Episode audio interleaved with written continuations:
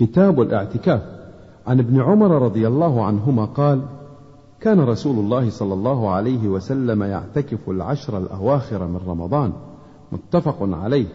وعن عائشة رضي الله عنها أن النبي صلى الله عليه وسلم كان يعتكف العشر الأواخر من رمضان حتى توفاه الله تعالى ثم اعتكف أزواجه من بعده متفق عليه.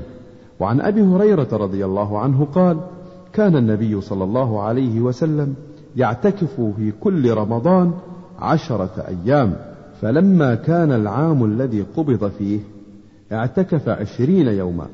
رواه البخاري.